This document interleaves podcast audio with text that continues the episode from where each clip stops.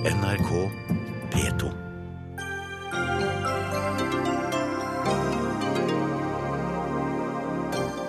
Venstre sier nei til alle asylforslagene fra regjeringa. Regjeringa har gått altfor langt, mener Trine Skei Grande, og får langt på vei støtte fra KrF. Hvem skal sette markedsverdi på boligen din? Eiendomsmeglerne vil gjøre det selv, men takstmennene protesterer og hevder de sørger for en objektiv verdivurdering. Og navnet skjemmer ingen, vil noen si, men Oslo byråd vil likevel hete byregjering. Pompøst, mener Oslo Høyre, og mange med dem.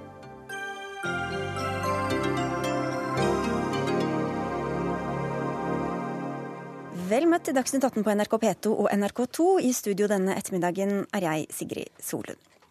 Det har vært en nokså dramatisk dag på Stortinget i dag. For i ettermiddag sa Venstres stortingsgruppe nei til regjeringas 40 forslag til innstramminger i asylpolitikken, noen timer etter at statsminister Erna Solberg måtte svare på mange spørsmål om nettopp denne politikken i spørretimen. De 40 forslagene kom i desember og har vært ute på høring. Høringsfristen gikk ut i går.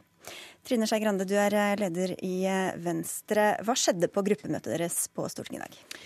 Nei, vi hadde, Ved forrige gruppemøte hadde vi en gjennomgang av alle forslagene, så alle skulle være godt forberedt. Og så fikk vi jo alle høringsforslagene i går. Så i dag bestemte vi oss for at uh, dette er såpass langt unna det Venstre kan gå for, at vi vil gi en klar beskjed til regjeringa før de får lagt fram noe i Stortinget, at hele denne pakken den vil vi si nei til. Så ber vi regjeringa se på de innstrammingene som Venstre og KrF ble enige med regjeringa om i Nydalen, som er mange innstramminger som vi tror er klokt å gjøre nå. Eh, og som de vil få flertall for hvis de legger frem. Ja, hvorfor, dere, hvorfor har dere stemt for eh, innstramming uten å stemme for innstramming når den kommer? Jo, fordi det er noe, to helt forskjellige pakker det er snakk om. Den som Venstre og KrF ble enige med regjeringa om i Nydalen, som var noen lettelser når det gjelder asylbarn, det er gjennomført, men også en rekke innstramminger som regjeringa har satt på vent og ikke gjennomført. Det ser vi nå at vi gir et go for. Hva er det f.eks. som dere vil snakke Nei, Det er både innstramminger i forhold til familiegjenforening og i forhold til å øke øke forsørgerkravet ved familiegjenforening, men ikke til flyktninger, sånn som det er foreslått. Det som ligger i den nye pakken, går jo utrolig mye lengre. Og det som har vært viktig for Venstre, er at vi har villet vært med på innstramminger, men ikke på innstramminger som bryter med internasjonale konvensjoner og avtaler som Norge er en del av. Det har høringa her vist, at de forslagene som ligger i denne pakken, gjør det. Hvorfor kan dere ikke da si nei til de enkeltpunktene og si ja, stemme ja til de punktene som dere er for? Nå innrømte statsministeren i spørretimen i dag at dette var et hastverksarbeid. Dette var dårlig utreda. Eh, derfor så er det sånn at noen av disse forslagene kan se greie ut enkelt, men når de skal påvirke hverandre og ses i en sammenheng, får det enda mye større negative konsekvenser. Det viser høringa nå. Derfor så valgte vi å gi en klar beskjed om at den pakken som Sylvi Lysthaug har lagt fram, kan ikke vi gå for. Men vi har også gitt en klar beskjed om at hvis man ønsker innstramminger, så må man gå tilbake til den opprinnelige avtalen for å få støtte for det. Knut Arild Hareide, du er partileder i KrF, og dere har jo også hatt gruppemøte i Stortinget i dag. Hva sa dere om denne saken? Det var et veldig tydelig signal fra hele stortingsgruppa at vi kan ikke gå med på noen forslag som bryter våre internasjonale konvensjoner, våre folkerettslige forpliktelser og flyktningkonvensjonen. Hvilke forslag er det du sikter til? Ja, det kan jo f.eks. være enslige mindreårige asylsøkere. Eh, midlertidigheten som ligger der, et av de forslagene som blir sagt noe rundt det. Og på familiegjenforeningsforslagene fra regjeringa, at det skal ta opp mot ti år, selv om du gjør alt riktig, er et annet eksempel på ting som kan bryte med våre internasjonale forpliktelser. Og det er et veldig tydelig signal. Eh, så er det jo sånn at, som òg Trine Skei Grande her sier, her har det vært hastverk, og hastverk er lastverk. Er, er, og, og det kom forslag i romjula. Og det er jo ikke bare at vi har vært negative i dag, jeg har lyst til å si til Trine Skei Grande. Det er altså da regjeringens egne underliggende etater som tar regjeringa både i faktafeil, uh, i veldig alvorlige I høringsinnspillene. Ja. Mm. Det gjelder UDI, det gjelder uh, SSB, for å nevne to. Men uh, dere sier ikke blankt nei til hele pakka, sånn som Venstre gjør, altså? Vi har ikke sett på dette som en helhetlig pakke. Det vi sier nå, er at nå har dette vært ute på høring. Så skal jo regjeringen gå igjennom dette. Og det vi har sagt, er at da må gjøre betydelige endringer. Og så må det enten da komme tilbake til de seks partiene som var enige, og så må vi sette oss ned og diskutere hvordan skal dette regelverket bli. Eller så må regjeringen legge fram noe for Stortinget, og så må vi ha en forhandling etter de har gjort det. Men samme hva, så må jo regjeringen gjøre betydelige endringer. Eh, og det er jo den tilbakemeldingen de har fått gjennom den høringen, eh, veldig tydelig på. Det har både Fylkeslagene i begge deres partier har vi også snakket med og har vært ute og vært kritiske til dette. I Venstre sier 12 av 19 fylkesledere at Sylvi Listhaugs håndtering av flyktningkrisen truer hele det borgerlige samarbeidet. Hvor viktig har hennes uttalelser vært på at dere endte som dere gjorde i dag? Nei, Det har jo litt påvirka akkurat det, men det påvirker jo det som mine fylkesledere sier på samme måte som jeg ville ha sagt det. at Akkurat nå har Sylvi Listhaug en måte å uttrykke seg på, en måte å sette ord på dette på, som er så langt fra oss. at eh, Det er det som truer det borgerlige samarbeidet mest akkurat nå. Men eh, dette er jo egentlig det samme altså Dere beskylder Arbeiderpartiet for å være diffuse og snakke med to tunger, men de angriper jo også mest retorikken. Er det, er, hva er forskjellen da på dere? Det Nei, i dag har vi jo helt klart angrepet politikken. og det er politikken som betyr noe ting. Men, men når et land står overfor en stor utfordrende eh, jobb å gjøre, som dette er, Europa står foran en stor utfordring her, da mener jeg at det er politisk ledelse å si at dette kan vi fikse, og det skal vi fikse på denne måten. Eh, Isteden har vi en statsråd som sier at hvis du ikke er redd nå, så er du dum. Det er to ganske ulike måter å lede gjennom en sånn eh, krise som som det vi faktisk er i. Og jeg mener at det er viktig å snakke sant om at det er utfordringer knytta til integrering. Men som leder må du fortelle folk hvordan det skal gjøres, ikke at de er dumme hvis de ikke har skjønt hvordan det skal gjøres. Vi har ikke med oss Sylvi Listhaug, hun ville ikke delta i Dagsnytt 18 i dag. Men du er med, Harald Tom Nesvik, du er parlamentarisk leder i eh, Fremskrittspartiet. Hva har du å si til det som blir sagt fra studio her oppe? Nei, For Fremskrittspartiets side så tar vi det som er sagt eh, til etterretning. fordi at det som har vært ute nå, er jo det som har vært ute på ei høringsrunde. Eh, og Stortinget gjør nok klokt i å, å, vurdere disse tiltakene når de kommer til Stortinget, og i den form de da har. Så har jo, eh, vi merka oss er det nok ulike eh, ståsted knytta til påstanden om hva som er innafor eller utafor de forskjellige konvensjonene som man har, man har, forholdt seg til. Men alt det arbeidet skal gjøres i forkant av at man kommer til Stortinget, og Stortinget skal være veldig, veldig klar for å kunne fatte den beslutninga som de ønsker ønsker. Men Vil dere komme til Stortinget med det dere allerede har fremmet, eller vil dere ta hensyn til det som sies fra KrF og Venstre om at det vil de ikke stemme for? Nå syns jeg at regjeringen skal få lov å jobbe med de forslagene, både basert på det opprinnelige utkastet og også de høringsuttalelsene som er kommet. Det er jo derfor man sender ut saker på høring. Det er jo nettopp for å få signal i eh, hvilken retning man skal gå, hvordan virker dette, hvilke konsekvenser kan det få. Så gjør man arbeidet opp imot eh, Stortinget, og så er det Stortinget som fatter den endelige beslutninga. Og det er viktig at vi faktisk gjør og at vi står inne for også den avtalen som vi skrev under på i høst, som var todelt. Det ene gikk på innstrammingstiltak, det andre gikk på integrering, og begge deler er ekstremt viktig. Så, men om dette kommer til å få følger for hva dere vil fremme eller ikke, det er for tidlig å si, da? eller? Så det Venstre har sagt i dag? Nå syns jeg at regjeringen skal få lov å gjøre arbeidet sitt uten at man skyter det ned allerede før man får lov til å utforme dem. Eh, det man uttaler som nå, det er det høringsutkastet som gikk ut, og så har man også fått oversendt høringsuttalelsene.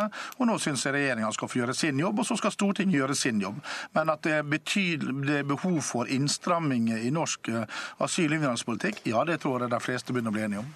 Jeg, eh, her er jeg faktisk enig med Harald Tom på et uh, punkt. Det er jo det at dette har vært en høring. Og Da er det viktig at nå får regjeringen mulighet til å legge fram et nytt forslag basert på den høringen. Men det er jo desto viktigere at en lytter til de gode faglige innvendingene som nå har kommet mot regjeringens uh, sitt forslag. Hvor mye innstramming blir det igjen da, til slutt? Ja, Det får vi se. Men det, det lå i forliket fra regjer regjeringspartiene, men òg de andre samarbeidspartiene. Jo, men Hvis dere skal uh, ha gjennom deres krav, det, altså, hvordan kommer den pakka til å se ut? da? Altså det som har vært hele vårt poeng, at vi er med på innstramminger. Men vi kan ikke være med på innstramminger som bryter med våre internasjonale forpliktelser og folkerettslige forpliktelser og flyktningkonvensjonen. Det er på en måte ankerfestet for både Venstre og KrF kunne være med på de eh, forslagene. Så tror jeg òg eh, eh, det jeg opplever med statsministerens invitasjon Og det er klart at statsministeren var i dag i spontanspørretimen. Og det var et paradoks òg for henne, tror jeg, at hun tre ganger måtte svare for sin egen ministers uttalelse. En uttalelse om at de som ikke frykter for ens barn fremtid, de lyger det ble jo umulig for statsministeren å svare for i dagens spontanspørretime. Fordi det kunne ikke si seg enig i. Og det tror jeg òg, eh, når nå statsministeren ønsker å få denne debatten over i en ny fase, så håper ikke jeg det gjelder bare statsministeren, det håper jeg gjelder hele regjeringa. Ja, da skal jeg bare få, du skal få ordet, Nesvik, så bare få inn Trond Helleland også, som er parlamentarisk leder i Høyre. Tror du at retorikken og ordbruken kan ha bidratt til å polarisere dette og skape større splid mellom dere samarbeidspartiene enn det som egentlig var nødvendig? Det høres ut som eh, retorikken kanskje er det som har skapt den situasjonen vi har nå. Jeg håper jo at det er politikken som skal være avgjørende. Ja, Var det uklokt å bruke den retorikken, da? Nei, altså jeg vil ikke karakterisere kommentere det. Jeg har hørt hva statsministeren har sagt. Det er ikke alle uttalelser Sylvi Listhaug har hatt som jeg kan stå inne for heller. Men det viktige er jo at vi klarte å få til et bredt forlik i Stortinget i løpet av høsten om nødvendig innstramming av asylpolitikken. Det har nå regjeringen da jobba raskt med for å lage et høringsutkast. Jeg registrerer at Venstre sier at de er fornøyd med det. Men vi skal gå gjennom alle høringsuttalelser. Regjeringen skal legge fram noe for Stortinget. og Jeg håper at vi kan ha et bredt forlik videre om dette, som kanskje er et av de vanskeligste vanskeligste områdene i norsk politikk, også på borgerlig side, der avstanden er størst. På mm. tross av det så har vi klart å bli enige. og Det tror jeg er viktig nasjonalt, fordi dette er en utfordring som kommer til å vare framover. Det kom flere asylsøkere til Europa i, i januar 2016 enn i januar 2015. Men hvorfor har dere ikke da eh, snakket bedre med hverandre på, i forkant for å slippe å få den behandlingen her? Vi gjorde jo ikke noe annet enn å snakke sammen i hele høst. Så det er veldig mange av de forslagene som ligger inne i disse, dette høringsutkastet budsjettet, som er godt innafor det som lå i den innstrammingspakka vi vedtok på Stortinget, så får vi diskutere både det og folkerettslige forpliktelser. Høyre og regjeringen kommer aldri til å legge fram forslag som er klart i strid eller i strid med folkerettslige forpliktelser. Sånn som FN har sagt at det, eh, flere av dette her? UD har sagt at eh, de forslagene, både når det gjelder midlertidighet og eh, enslige mindreårige, er innenfor folkeretten. Her står påstand mot påstand. Dette må regjeringen sortere ut. og det er klart Der det er tvilstilfeller, så må vi antagelig Eh, gå en ny runde på noen av forslagene. Det får vi se på. Jeg skal måle regjeringa på det de faktisk legger fram, men vi hadde lyst til å gi en klar beskjed om hva vi ikke kan akseptere. Jeg kan nevne et annet forslag som ligger som jeg tror folk blir litt sjokkert hvis de skjønner implikasjonene av, nemlig at politimenn på grensa kan avvise asylsøkere uten noe fagvurdering, uten noe vurdering av deres enkelttilstand, men de skal ha en myndighet til å stå ja, på grensa. Ut fra visse kriterier som er gitt, da. Ja, men dette er, dette er det vi sammenligner andre land. Det er andre land som vi ser for oss har sånne type politimenn som skal ivareta den type grensekontroll. Det ønsker ikke vi oss. Men, men, og det er helt klart, det er veldig på grensa av alle de internasjonale konvensjonene. Vi får se hva de kommer tilbake. Men jeg må bare spørre deg uh, ut fra disse fylkeslederne vi har snakket med. Fylkeslederen i Agder, Torunn Sandvann, sier til NRK sitat, jeg vil si det så sterkt at vi er klare til å felle regjeringen. Dette er noe vi må ta opp til diskusjon på landsmøtet i april. Er du enig med henne? Jeg er enig med Torunn at dette river i venstre sjela hvis vi ikke klarer å få til. Men Hvor syns... dypt stikker det da, hvis dere kritiserer og kritiserer, men samtidig støtter den samme regjeringa som legger fram disse forslagene? Ja, I livet mitt har det alltid vært sånn at det er politikken som teller. Det er hva som blir vedtatt som teller. Og Derfor så syns jeg det er viktig å si ifra til regjeringa at legger dere fram noe sånt som dette, kommer ikke til Venstre til å være med på det laget. Og hvis de vil ha med oss på laget, så må de heller lete fram de forslagene som vi har vært enige om i Nydalen. Men det, det følger ikke regjeringa den grunn? Det, det vil jeg måle regjeringa på det regjeringa faktisk legger fram. For det er ja. det som betyr noen ting. Det er hva de faktisk står for politisk, ikke hva de sender ut på høring. Og jeg syns det er realt når du er samarbeidspartner, å si ifra når nok er nok, si ifra hvor grensa går hen. og og sier fra hva det er som er viktig for oss. Og det har vi gjort i dag. Det kan virke som dette er kanskje viktigere for Venstre enn for dere i KrF, eh, Hareide? Vi har nok sett litt forskjellig. Vi har ikke sett på disse eh, forslagene som én pakke. Vi har tenkt at her er det noen forslag som vi mener det må gjøres dramatiske endringer på. Eh, og tatt på en måte oppfølgingen der. Og jeg merker òg at det Trond Helleland her sier, er at enkelte av disse forslagene er jo utenfor det forliket vi inngikk eh, i høst. Men vi står jo ved det vi gjorde i høst, der vi både var med på innstrammingsforslag, ikke minst og integreringsforslag.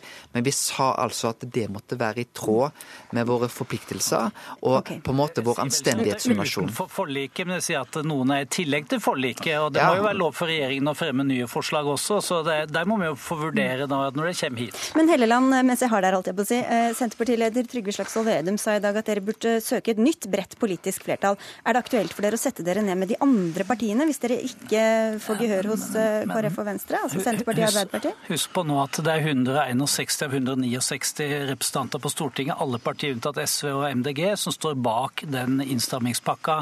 Jo, men det, ønsker... hvis, hvis dine vanlige samarbeidspartnere ikke vil gå med på det dere kommer med til Stortinget, er det da aktuelt å sette dere ned andre steder? Vårt utgangspunkt har vært hele tiden at vi ønsker et bredest mulig forlik. og Jeg oppfatter både Knut Arild og Trine dit hen at de ønsker samtaler om dette videre, og ønsker å få den debatten når regjeringen legger frem sine forslag. Er... Tom Nesvik må få si noe annet. Ja, jeg vet jeg skulle stille opp et spørsmål. Fordi når de da kommer, da, hvis de hører på Hareide og Skei Grande her, eh, er du redd for at det ikke blir stramt nok, det som da kommer revidert fra regjeringa etter hvert? Nei, Regjeringa skal legge frem forslag som er i tråd med det forliket som er inngått i Stortinget, som Trond Helleland sa, av 161 og 169 representanter. Det er bl.a. en bestilling som Stortinget har gitt til regjeringa. I tillegg er det også gitt eh, en del klare signal som regjeringa kan iverksette, og har begynt å iverksette allerede. Og Det er viktig. Når det gjelder internasjonale konvensjoner, så lar vi UD og andre få lov til å sjekke disse tingene opp, slik at vi er sikre på at vi er inne på den rette sida. Vi kan ikke bare ha påstander også om disse tingene, men det skal være på rett side. Så er det helt åpenbart at vi trenger innstrammingstiltak for å kunne iverksette i tråd med det som vi har sagt på Stortinget. Og I tillegg så trenger vi gode integreringstiltak for dem som skal være her. Vi må jobbe langs flere akser. Og så er det viktig at vi prøver å ta disse tingene litt ned, om det er fylkesleder eller hvem som uttaler seg. Stortinget skal vurdere forslagene, og forslaget foreligger for Stortinget.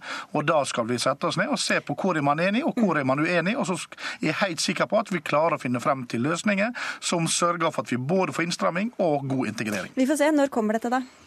Det kommer så snart man er ferdig med dette. Nå sitter man og jobber med de høringsuttalelsene som, høringsuttalelsene kom vel i går. slik at eh, man må i hvert fall få lov til å lese dem. Det er jo nettopp i tråd med det som både Trine og Knut Arild sier. Nettopp nå må vi gå gjennom disse høringsuttalelsene, sjekke ut de forskjellige, slik at det faktisk har eh, en rolle at du har en høring. Og så kommer man til Stortinget, og da skal Stortinget være dem som fatter beslutningene. Da får vi se om gjestene her i studio blir mer fornøyd eh, ved neste korsvei. Takk skal dere ha alle fire. Trine Skei Grande, Knut Arild Hareide, Trond Helleland og Harald Tom Nesvik. Og da skal vi eh, få inn eh, kommentatorene og få deres eh, kommentarer, rett og slett. da, Trine Eilertsen, du er politisk redaktør i Aftenposten. Hvor alvorlig knaker det nå i samarbeidet de fire partiene imellom? Altså Nesten siden regjeringen tiltrådte har jo innvandring og asyl vært en, eh, et gnagsår i samarbeidet. og det, det, var det de minst håpet på at det skulle bli, for det er den vanskeligste saken. Det er der forskjellen er størst. Eh, vi så det i asylbarnsaken, vi så det i ikke så mye i høst, men vi ser det jo nå at nå, nå kommer de forskjellene til, til overflaten. og det, det er klart det er alvorlig hvis dette er en sak som skal prege de fire årene til denne regjeringen. Men Altså, Arbeiderpartiet har jo i stort eh, sett sagt seg enig med det som kommer. Eh, hvor, hvor ligger liksom landskapet i asylpolitikken nå? Dette er jo ikke en sånn klassisk høyre-venstre-akse. For Arbeiderpartiet og Høyre har jo en så å si identisk eh, innvandringspolitikk, har hatt det i mange år. Eh, Arbeiderpartiet har interesse av at det ikke blir veldig stor konflikt rundt det politikkområdet. Eh, så Arbeiderpartiet blir nesten litt usynlig når, når denne saken er den som øverst på, på dagsordenen. Og da er det jo SV helt på utsiden nå, og så er det sentrumspartiene som, som strever fordi de støtter regjeringen som kommer med, med forslag og med konkret politikk politikk. Samtidig som dette er åpenbart særlig for Venstre et område der de har god kontakt med sine egne velgere. Ja, som vi var inne på, Magnus Takvam, politisk kommentator i NRK, så smerter dette ganske langt inn og ned i Venstre. Det gjør det. Og eh, en av årsakene til at man nå gikk så kraftig ut, var f.eks. årsmøtet i Hordaland Venstre sist helg, der eh, de ga veldig tydelig beskjed om at eh, den pakken som kom fra regjeringen, og den skal vi si, retorik, mye omtalte retorikken fra Sylvi Listhaug er uakseptabel for, for venstrefolk. Når det gjelder det som da eh, skapte turbulens i dag, nemlig Venstres vedtak om å si nei til hele pakken, så er en del av det et slags eh, eh ja, ikke PR-stunt, det er mer enn det er ordentlig, ordentlig politikk. Men man, man, overrasket alle og fikk eh, gjort det veldig tydelig for hele verden hvor eh, Venstre står i asyl- og flyktningpolitikken. Også til de som var på årsmøtet i Hordaland Venstre og andre folk i Venstre som er usikre på hvor mye kompromisser de er villige til å gå inn i toppen av, av partiene. Men hvor mye kan man egentlig rasle med sablene overfor en regjering som man er det parlamentariske grunnlaget av? Ja, altså de, de, har jo hatt stor interesse av å egentlig rasle i over et år, eh, hvis vi tar med asylbarnsaken. Og de som var på landsmøtet til Venstre i fjor, eh, opplevde jo mange altså mer sånn grasrotvenstre går på talerstolen og forteller hvor strevsomt det er for de ute i kommunene å forsvare at Venstre støtter en regjering med, med den type politikk. Så det er klart at denne utfordringen eh, vokser for det. Så landsmøtet i 2017, når Venstre skal si i hva grad de skal knytte seg til et nytt regjeringsalternativ, det, det blir eh, ganske krevende for den delen av partiet som ønsker å fortsette på denne kursen, i hvert fall. Ja, altså det som, det som, Hvis man ser lenger framover og, og liksom har hele regjeringsprosjektet som, som tema her, så, så er det på, den, på, kort sikt er jeg enig litt i ditt premiss for spørsmålet at Venstre på denne måten jo skaper seg en fallhøyde for så vidt, i og, med at de sier så totalt nei til hele pakken og markerer det. Da da vil de neste ukene vise eh, hvordan eh, man kommer ut. Må, eh, må eh, Venstre bite i seg en del av det de har sagt osv. Det, det vil på en måte bli synlig for alle. Sånn at eh, det er et høyt spill, og vi hørte nærmest et slags ultimatum fra Trine Skei Grande i studio her om at dersom man så å si kommer tilbake med en kopi av det som lå i den, dette høringsnotatet, så er det uakseptabelt for Venstre. Vi snakket jo mye om retorikk også, da, og Sylvi Listhaugs ord ble, ble, tema mange ganger i spørretimen i dag. Hvor viktig har det vært for hvordan dette er blitt oppfattet også av samarbeidspartnerne? Hvor mye kunne vært unngått med en litt mer diplomatisk språkbruk, tror du? Altså, jeg tror Det hadde vært lettere uansett hvis innvandringsstatsråden hadde vært fra Høyre. For fordi at Da hadde ikke piggene vært eh, så langt ute i utgangspunktet. Men nå har jo mange, ikke minst i samarbeidspartiene, sittet og lyttet med ekstra store ører når eh, Listhaug har snakket, og de har fått hørt akkurat det de ikke ville høre.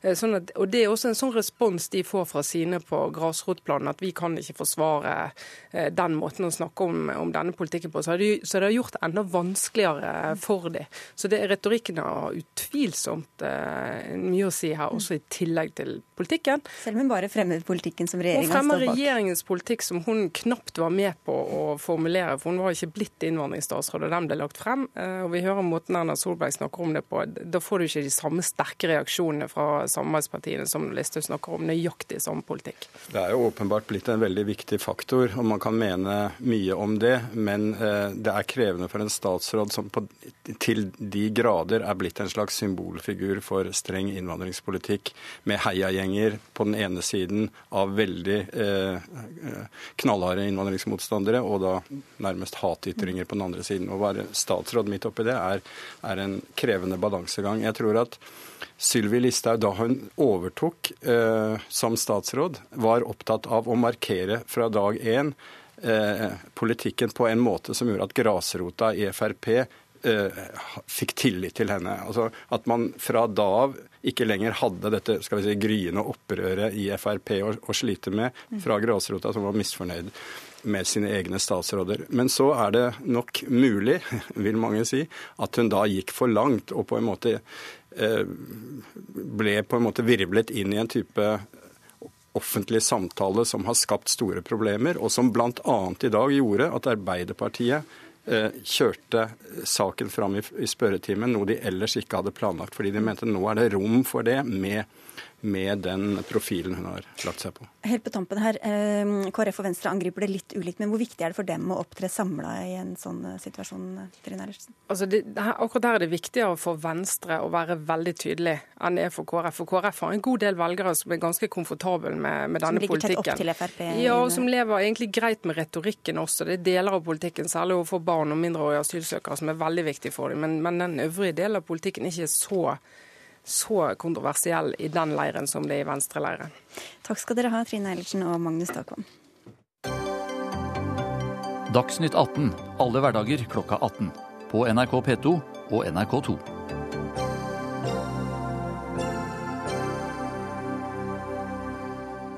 Blir kalt pompøse og virkelighetsfjerne narsissister, og vitser fra hele landet hagler om hvorvidt de skal melde seg inn i FN eller få eget flagg. I går vedtok nemlig byrådet i Oslo å kalle seg Oslo byregjering i stedet, og det førte også til harselas fra flere kanter. Endringa var varslet alt i fjor høst, men nå har kommuneadvokaten gitt grønt lys til navneendringa, som da kan bli et faktum. Nikolai Astrup, du er leder i Oslo Høyre og stortingsrepresentant. Pompøst, sier du til Aftenposten. Hvorfor det? Ja, Det fremstår som litt eh, pompøst og et forsøk på å på en måte opphøye sin egen posisjon og sin egen jobb. Byrådsleder var godt nok for alle Raymond Johansens forgjengere, men altså ikke for Raymond Johansen. Men, eh, men, jeg er litt mer der at eh, man skulle tro at byrådet hadde viktigere ting å gjøre enn å både utrede og gjennomføre en sånn sak. Dette kommer jo også til å koste penger. Ja, det jo, berører jo ikke bare byrådet, men også 15 bydeler som nå skal skifte navn. Bydelsutvalgene og bydelsutvalgslederne skal bli bydelsordførere mm. Eh, og i det hele tatt. Og sannheten, og Et annet problem er jo at dette blir jo ikke spesielt mye mer oppklarende for folk. fordi at byregjeringssjefen Raymond Johansen eh, Vi har for øvrig én regjeringssjef i Norge, og hun heter Erna Solberg. Men byregjeringssjefen Raymond Hansen han skal jo lede et byråd, eh, en byregjering bestående av byråder. Slik at, ja, de skifter ikke navn. Dette skifter ikke navn. Så, så, her er det ganske forvirrende for folk. Og dette har vart i 30 år, og det er, et, det er litt pussig å endre på noe sånt. og men spørsmålet om det er verdt å bruke tid på det i Dagsnytt 18, det vet jeg ikke. Ja, Så du er nå her, så Ja, Det var fordi du spurte så pent, og da sier jeg jo aldri nei. Byrådsleder i Oslo, Raymond Johansen fra Arbeiderpartiet. Pompøst, turmannsgal. Hvordan er det for en ja, rørlegger fra Groruddalen? Og... Det er i hvert fall første gang i livet jeg har blitt kalt pompøs, og det av folk som har langt lengre, lengre erfaring enn meg i å bli kalt pompøs, og det burde jeg kanskje ta til meg og ta alvorlig. Men, vet hva han snakker om, da, vet du. men la oss nå si, uh, diskutere litt hvorfor vi gjør det, da. Eh, så kan vi starte der. og Vi drev valgkamp på det at vi vil gjøre noe i forhold til åpenhet, styrke lokaldemokratiet, styrke Oslo-offentligheten. For det er vel en erkjennelse vi, og jeg tror egentlig ikke det er store politiske konflikter rundt det, at veldig mye av det som skjer i Oslo, hvordan vi bruker 62 milliarder kroner, er en vel bevart hemmelighet. Og det at det er uklarhet, for det er en uklarhet i hva de ulike organene faktisk er. Vi har hatt et parlamentarisk system som Høyre og Arbeiderpartiet står bak, og det håper jeg at vi kan fortsette å, å støtte opp om i 30 år. Men fortsatt er det mange i byen som ikke veit forskjell på et byråd og et bystyre. Og vi mener det er veldig riktig og viktig å klargjøre det skillet mellom de folkevalgte som sitter i bystyret, og de som har utøvende politisk myndighet. Så det å kalle det en regjering, så skal folk skjønne bedre denne ansvarsfordelinga? Det er det hele poenget. Jeg syns jo det er fantastisk å være byrådsleder og byregjeringsleder. Men det som er poenget, er å klargjøre hvem som faktisk har det ansvaret. Og, her har vi, og jeg syns det er morsomt at vi har støtte fra bl.a. Språkrådet, som syns at dette er bra, at dette er klargjørende. Og det er mange, eh, som også Nikolai er inne på, så er det mange organer i mm. Oslo. Vi har bydelsutvalg, som vi ønsker å kalle bydelsstyre. Bydelsutvalgsledere, som vi ønsker å kalle bydelsordførere. Og hele greia mm. har sin bakgrunn i at vi ønsker å klargjøre. Viktig for demokratiet, viktig for hvem som faktisk har det ansvaret. Okay. Det er grunnen. Det er også er vårt virkemiddel Skjønner. at vi ønsker å kalle det Det er ikke bare Oslo som har eh, parlamentarisk system, det er jo eh, bl.a. Bergen også. Men hvor mange Det er bare Bergen ja, i tillegg. For nå har de kuttet ut i Tromsø. Men hvor mange Nikolai Astrup, av innbyggerne tror du egentlig skjønner forskjell på byråd og bystyre av eh, dem som bor i disse byene? Jeg tror i hvert fall det er blitt et innarbeidet begrep blant dem, jo, som, de blant dem som følger Oslo-politikken. Så tror jeg det er blitt et innarbeidet begrep. Og jeg tror mange flere enn det Raymond Johansen og Sigrid Solund antar, eh, forstår forskjellen på det. Men det er riktig at eh, det er mange som eh, er forvirret når det gjelder styringsmodellen i Oslo. Det er ikke noe tvil om det. og Sånn har det vært siden 1986, da det ble innført. Men jeg tror jo at det Raymond Johansen nå gjør, vil bidra til å forsterke den forvirringen. Fordi at hans, De som sitter i byregjeringen, de skal fortsatt hete byråder. Eh, men de skal da ikke sitte eh, Så de beholder jo eh, det innarbeidede begrepet som vi har hatt i 30 år, mens Raymond Johansen da skal lede noen andre med et navn som ikke gir noen assosiasjoner til de menneskene han skal lede. Men Nicolai, nå er det veldig vrang. Fordi... Sånn at Jeg tror ikke dette virker spesielt oppklarende. Blant de som følger politikken tett uansett, så spiller det ingen rolle hva dere kaller dere. Men jeg, Men jeg tror det hadde vært en fordel om man fikk lov å beholde disse begrepene. Ja. Og så syns jeg det er unødvendig å bruke tid på det, og jeg syns det er unødvendig å bruke ja. penger på det. Høre, hva, kost, hva kommer til å koste? vet du det? Det, det blir ikke veldig dyrt, det er ikke veldig dramatisk store endringer. Nei, jeg tror det er i underkant av det. Men jeg er ikke bare opptatt av de som følger politikken. Jeg er opptatt av å kommunisere med de 670 000 innbyggerne som er i Oslo. Som i dag er veldig forvirra om hvem som egentlig styrer. bare- Og vi skal ha alle byrådene, i likhet med statsrådene. Byrådene sitter i en byregjering. Og byregjering, regjering Stortinget er innarbeidet, det forstår folk okay, forskjellen på. men du, jeg, vil, jeg vil bare spørre deg om det, for nå forsterker jeg det Nikolai Astrup sa i stad, men det er faktisk ganske mange, eh, ikke vi og ikke de som lytter til Dagsnytt 18 og ser på oss kanskje, men som heller ikke skjønner forskjellen på storting og regjering. Eh, på riksplan, hvordan skal det da gjøre det lettere for dem å skjønne når det gjelder byregjering? Og... Jeg, jeg tror, altså Vi har en forskjell i Oslo mellom de som har utøvende makt, som er byrådet, som er byregjering, og de som sitter i bystyret, som minner mer om det vi har på storting. I hvert fall så mener vi at det gjør det langt enklere. Og tro meg, det er motivet. Vi er opptatt av demokrati. Det er ikke pompøst og- Vi er opptatt, ja, det er, altså, Eller, det er ikke ditt eget selvbilde som krever det. Jeg ser at vi, Det er banalt, eh, Sigrid. Det er banalt. Her er vi opptatt av gått til valg på styrke Oslo-offentligheten. Bl.a. at media og byens innbyggere skal være opptatt av. Vi ønsker å legge eh, hodet på blokka. vi. Si dette har vi faktisk ansvar for. Bruken av disse pengene. Vi ønsker å ha en tydelighet, klarhet mot byens innbyggere.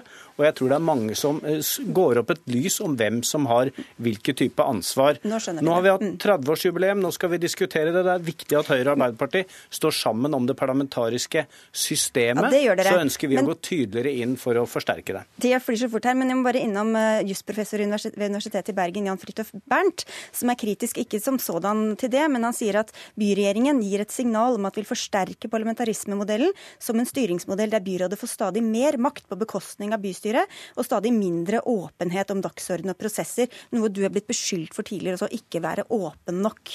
Eh, er du redd for det samme, at det kan føre til det? Altså, Vi får de fullmakter som bystyret bestemmer at vi skal ha. Og eh, det er jo ethvert demokratisk system i forhold til det. Så jeg er opptatt av åpenhet rundt det. Det som har vært diskusjon, er at vi har ønsket å ha byrådsnotater likt behandlet som regjeringsnotater. Men åpenhet er jo nettopp det vi ønsker. Du Innsyn, åpenhet. ikke det åpenhet. samme som Bernt? Nei, Jeg frykter egentlig at dette motsatte. Vi ønsker å bli sett i kortene, vi ønsker mer interesse. Vi Ikke frykter kanskje, men vi, håper det. Vi, vi håper Ja. å bli sett i, i, i korta, for det fortjener eh, byens skattebetalere. Og hvis dere vinner eh, valget om tre år, blir det vel av Astrup, skal dere bruke to millioner på å gjøre det tilbake igjen, eller kan du håpe å kanskje bli selv en byregjeringssjef? Leder. Leder? Konge? Nei, hva var det igjen? Altså, eh, Jeg syns det er unødvendig å bruke penger på å skifte navn. Jeg synes Hvis man er bekymret for at folk ikke vet forskjellen, så kunne man brukt de pengene Raymond Johansen nå bruker på å bytte navn, på å informere befolkningen om forskjellen på byråd og bystyre, hvis det var det som var eh, problemet. Eh, og ja, du skal bruke de pengene i tillegg, så da blir det ekstra, ekstra mye. For nå må du informere befolkningen på nytt. For de vet nå ikke hva en byregjering er, og hva slags forhold de har til bystyret og bydelsstyrene. Og de nye 15 bydelsordførerne som kommer i tillegg til den ordføreren vi har. Eller kanskje blir det en president. Hvem vet? Hvem vet. Vi får se når bystyret skal eh, behandle dette, men jeg regner med at dere får gjennomslag ettersom dere har flertall. Takk skal dere ha, i hvert fall begge to, Raymond Jansson og Nikolai Astrup.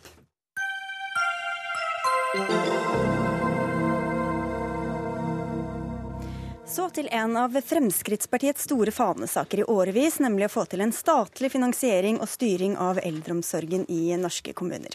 Frp har fått regjeringspartner Høyre med på at dette skal prøves ut i 20 kommuner i tre år.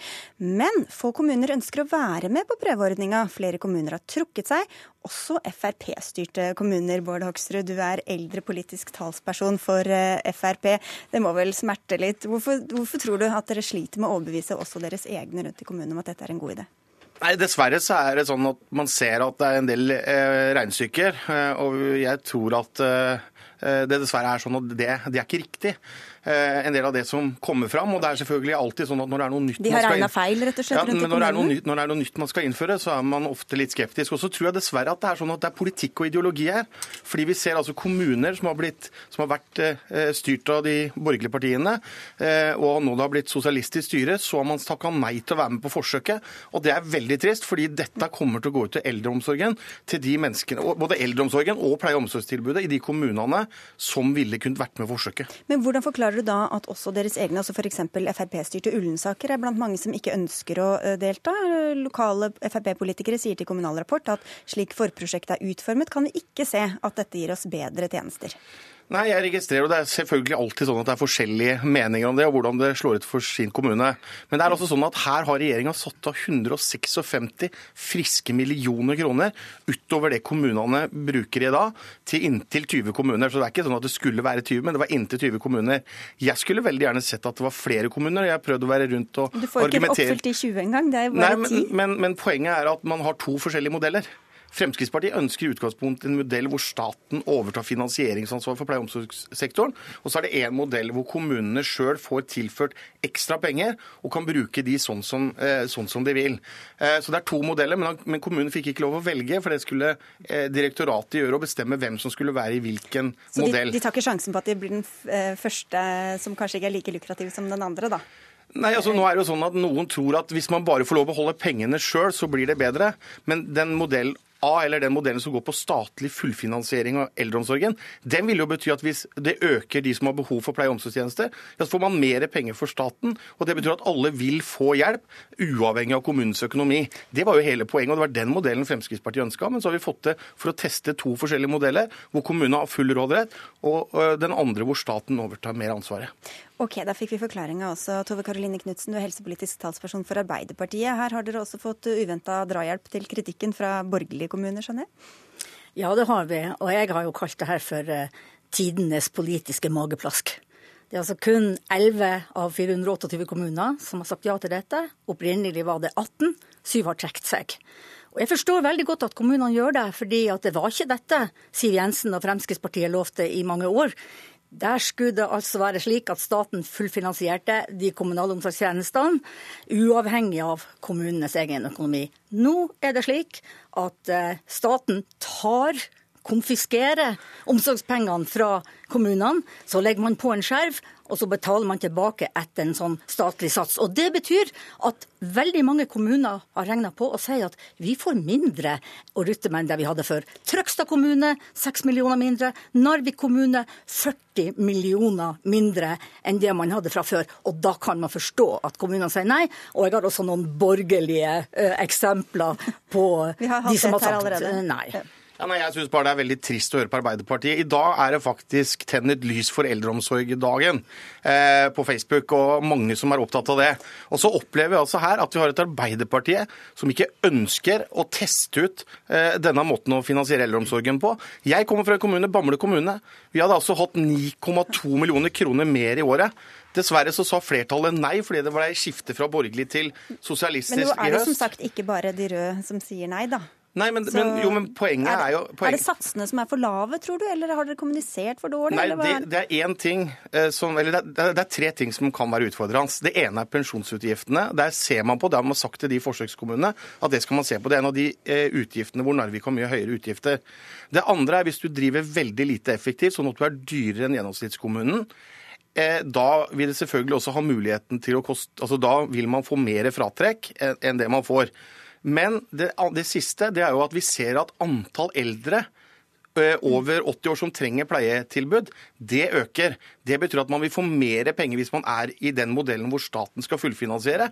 Sånn at alle de kommunene der tar en sjanse nå, de som ikke blir med på forsøket, tar faktisk en risiko. At de skal få dårligere tilbud til de eldre i kommunen sin. Det syns jeg er trist. De burde bli med i forsøket. Da ville de fått mer penger til eldreomsorgen. Og det er jo ikke sånn at det skinner av eldreomsorgen overalt. Hvorfor ikke prøve noe nytt, i hvert Nei, fall? men jeg har lyst til å si først at uh, Bård Hoksrud han har jo for vane for å skylde på Arbeiderpartiet hvis det er noe som går galt med deres politikk. Men la oss se til Stavanger. Høyre og Frp Stavanger. Der har de sagt rett ut nei takk, Siv Jensen, vi vil ikke ha din modell fordi at den gir oss flere hundre millioner kroner mindre å rutte med i eldreomsorgen. Og dette er kommuner som vil det beste for sine innbyggere, og som sier nei fordi de har ikke råd til gjennom tre år å miste seks millioner som Trøgstad. Eller fordi de frykter det. Altså, kan, de, kan de vite det, eller kan det være at man er litt sånn konservativ og vet hva man har og ikke Ja, hva nå har man altså fått eh, verifisert de tallene fra Helsedirektoratet sjøl, som har sagt at dere regner dette rett. Dere kommer til å tape penger fordi at den satsen som man opererer med her, ikke ikke, slår inn da- riktig for disse kommunene. Men da mener du, da kan man jo bare sette opp satsen litt, da, og da vil det bli en god idé, eller? Nei, altså vi syns jo ikke at, at, at kommunene skal settes under administrasjon i eldreomsorgen. Det som Ja, gjelder men det er for å sørge for at, at uh, de bruker penger på eldre i Jo. stedet for andre formål. Jo, men da går det veldig godt an å gjøre som man har gjort mange ganger før, nemlig å sektorøremerke penger. Og da må man først oppfinansiere kommunen på en ordentlig måte, slik denne regjeringa ikke gjør.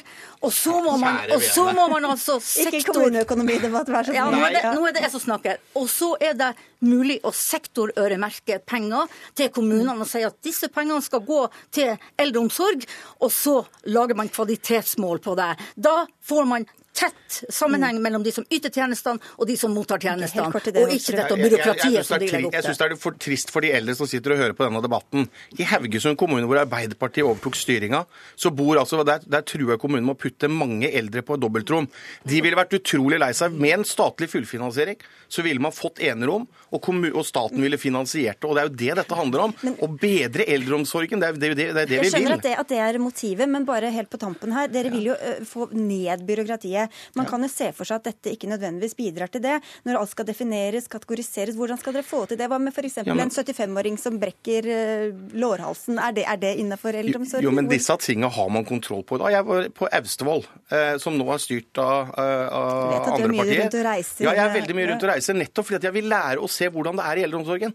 Og de sier ikke rør tjenestekontoret, for vi vet hvilke tjenester vi tilbyr til de eldre. Vi vet hvilke tjenester de trenger. Og det er det dette handler om, å gi folk det rette tilbudet. Og la eldre og pleietrengende få det tilbudet de trenger, uavhengig av om kommunen har råd eller ikke. Kommunene får altså mindre penger til Ja, å de lage gjort, god eldreomsorg av. Det de Det vil ikke, år, det vil ikke kommunene ha. Og Derfor så har de sagt nei til dette. Og jeg syns Bård Hoksrud at din regjering nå skal trekke dette famøse forslaget og det vel virkelig begynne å oppfinansiere kommunene ordentlig. For det er det som trengs. Vi får se da, de ti eller elleve eller hva det er for noe som blir med, Bård Hoksrud. Hvor De er i hvert fall veldig glad, og det blir veldig bra. Takk skal dere ha, begge to. Tove Karoline Knutsen fra Arbeiderpartiet og Bård Hoksrud fra Frp. Hør Dagsnytt 18 når du vil. Radio NRK.no.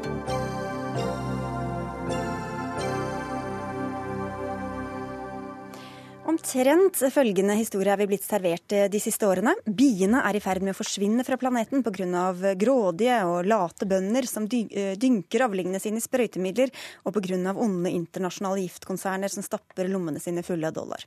Miljøvernere over hele verden har tatt skjeen i egne hender og startet med bl.a. birøkting. Men faktum er at det er flere bier i verden i dag enn for 20 år siden, skriver i hvert fall du i en kronikk i Bondebladet, agronom og journalist i Norsk Landbruk, Øystein Hegdal. Du hevder at dette er historien om elendig forskning og enda dårligere mediedekning. Hva er det vi har hørt eh, og fått servert som ikke stemmer? Nei, Det vi har eh, fått uh, fortalt, er jo historien om eh, noe som ble kalt colony collapse disorder, som foregikk i California i rundt 2006-2008. Der et eh, ganske store um, birøktere opplevde ganske store overvintringstap på biene sine, og de eh, forlot bykubene i i store mengder. Eh, og dere der kobla med en sånn uh, det mediehysteriet da, som ble i dekninga av dere, har jo gitt en sånn idé i hodet på oss om at, uh, at biene er i ferd med å forsvinne, og vi vet ikke hvorfor. og etter hvert så ble det, fore, ble det påstått at det var et nytt type sprøytemiddel som var problemet. og ja, I det hele tatt, Folk går rundt og tror da, at biene er på å forsvinne. Hva er det det- som er feil ved det? inntrykket? Nei, det som er feil med det, er jo at det er mer eh, I hvert fall når det kommer til tannbier. Altså det er mer tannbier i dag enn hva det har vært på over 20 år i verden. Mm. Um, Frode Ødegård, du er seniorforsker ved Norsk institutt for eh, naturforskning. Er uh, ryktet om bienes død betydelig overdrevet? Ja, så Det er jo en veldig viktig debatt det her med bidøden, for det handler jo om eh, matproduksjonen på jorda. Eh, Men det er et eh, veldig komplisert tema, og en god del misforståelser og sterke interessegrupper i debatten, så, så, så det har vært litt både og med det som har kommet fram. da. Men faktum er jo at vi har 20 000 biarter på jorda som står for bestøving av eh, ville planter og kulturvekster.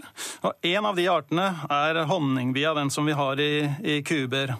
Den har vi jo tradisjonelt brukt til honningproduksjon, men i de siste åra har den vært mer og mer viktig for bestøving av kulturvekster, der vi har ødelagt arealene for de ville biene som normalt har gjort den jobben. Så det er eh, ikke honningbiene som eh, lider, men det er villbiene?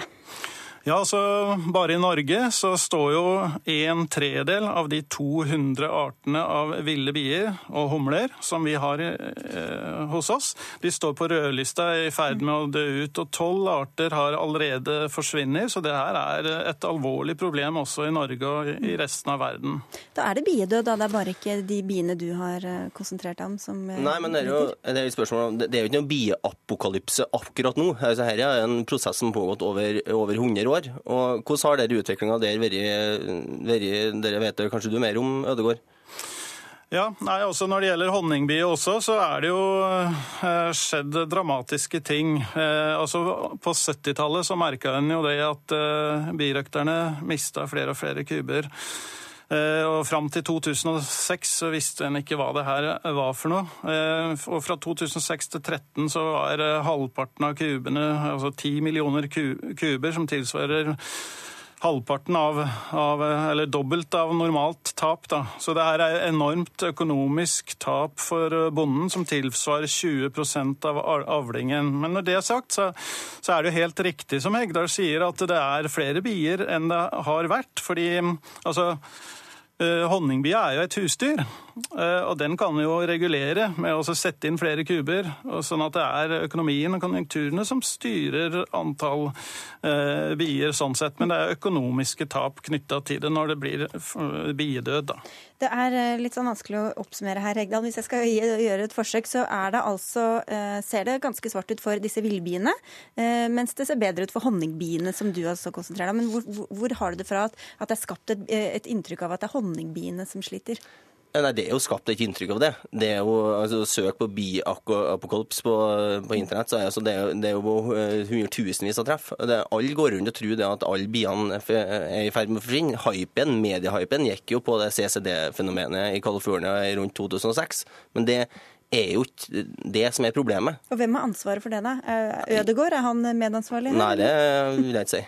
Da har vi ingen å skyte på. Da får vi bare skyte på oss selv. Ja. Eh, men jeg skal bare, Du skal få svare, Ødegaard. Men for, til deg, Eliassen. Du er seniorrådgiver i Norsk birøktelag. Eh, var du klar over dette? At det er eh, ikke honningbiene som sliter, altså de du driver med, men det er villbiene? Ja, nå er jo dette her et bilde som, som, som har mange sider. Så det er som Ødegaard har påpekt i media i dag, at eh, honningbiene i USA de har forsvunnet i stort monn, men de er husdyr, så de avles opp igjen. Det gjøres en kjempeinnsats for å erstatte de som tapes. Noen birøktere har jo opplevd at 80% dør. Det er klart, de er det, det, er det kjempealvorlig for. Mm. Eh, og i Norge så opplever vi ikke CCD sånn som vi ser i utlandet, men eh, i Norge så opplever vi en birøkterdød. Eh, det har vært så dårlige forhold for norsk birøkt at vi ser at en tredjedel av kuben har forsvunnet siden 2000. Så det er altså den kollapsen som det er kollapsen som vi snakker om i USA. Men, eh, men bien sliter også i Norge. Så vi trenger flere birøktere som deg? Ja, absolutt. Det gjør vi. Hva sier du til det, Frank, eh, Frode Ødegård? Er birøkting løsninga? Ja, altså jeg syns birøkting er veldig fint for, for de som liker honning, og for ekstra pollinering av jordbruksvekster der vi har for dårlig forhold forhold for at de ville biene skal gjøre jobben. Ehm, og når det er sagt, så er det sånn at eh, det som påstås i kronikken her, at det er elendig forskning som er, ligger til grunn for, for, det her, det vil jeg sterkt tilbakevise. For det, det her med biedød har blitt et stort internasjonalt forskningstema.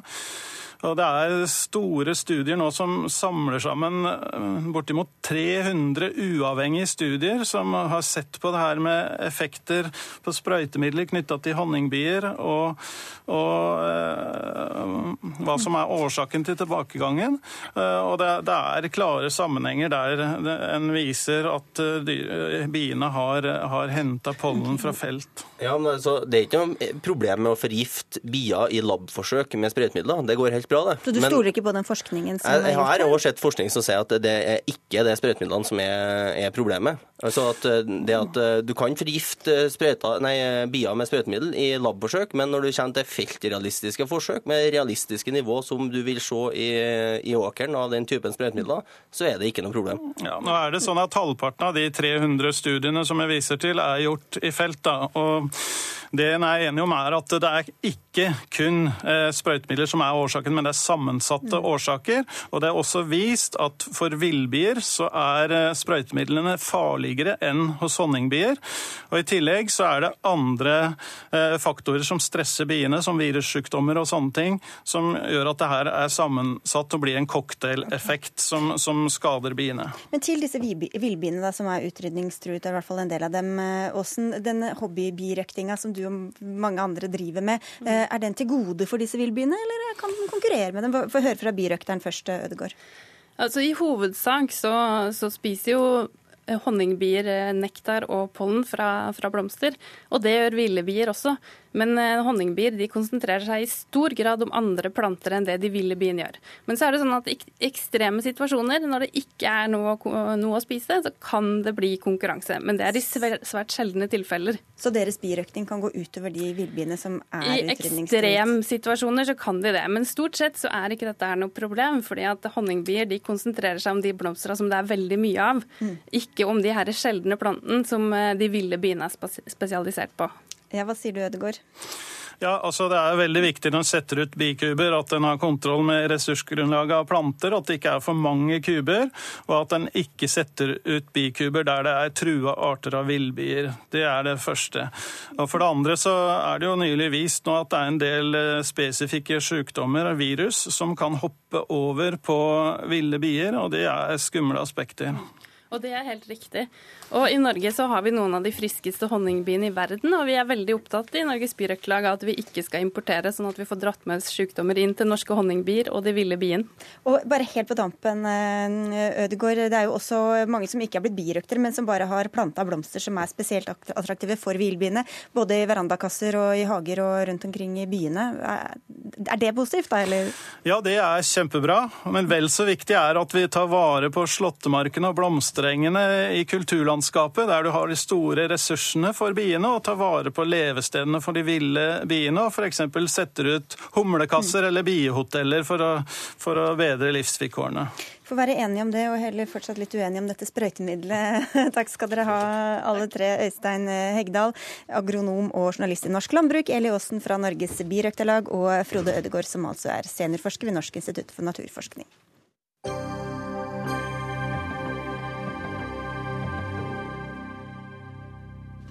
Flere takstmenn føler seg pressa av meglerfirmaer til å ikke sette markedsverdi på boliger, skriver Bergens Tidende og Bergensavisen i dag.